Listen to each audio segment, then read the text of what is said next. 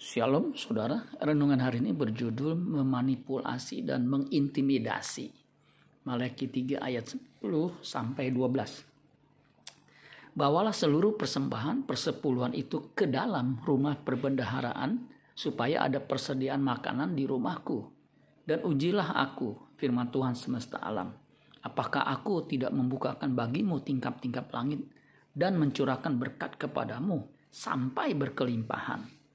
Aku akan menghardik bagimu belalang pelahap, supaya jangan dihabisinya hasil tanahmu, dan supaya jangan pohon anggur di padang tidak berbuah bagimu.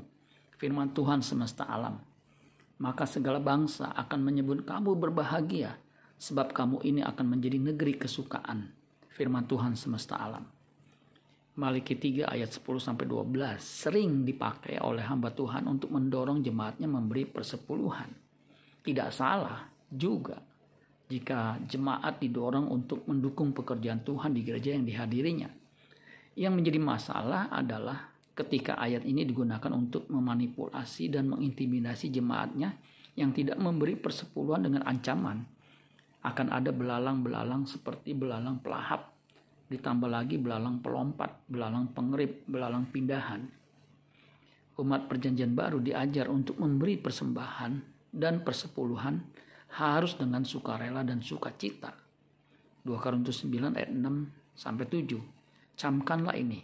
Orang yang menabur sedikit akan menuai sedikit juga. Dan orang yang menabur banyak akan menuai banyak juga. Hendaklah masing-masing memberi menurut kerelaan hatinya. Jangan dengan sedih hati atau karena paksaan. Sebab Allah mengasihi orang yang memberi dengan sukacita. Rasul Paulus mengutip ucapan Kristus agar membantu orang lemah dan pekerjaan Tuhan. Kisah para Rasul 20 ayat 35. Dalam segala sesuatu telah kuberikan contoh kepada kamu bahwa dengan bekerja demikian kita harus membantu orang-orang yang lemah dan harus mengingat perkataan Tuhan Yesus sebab ia sendiri telah mengatakan adalah lebih berbahagia memberi daripada menerima.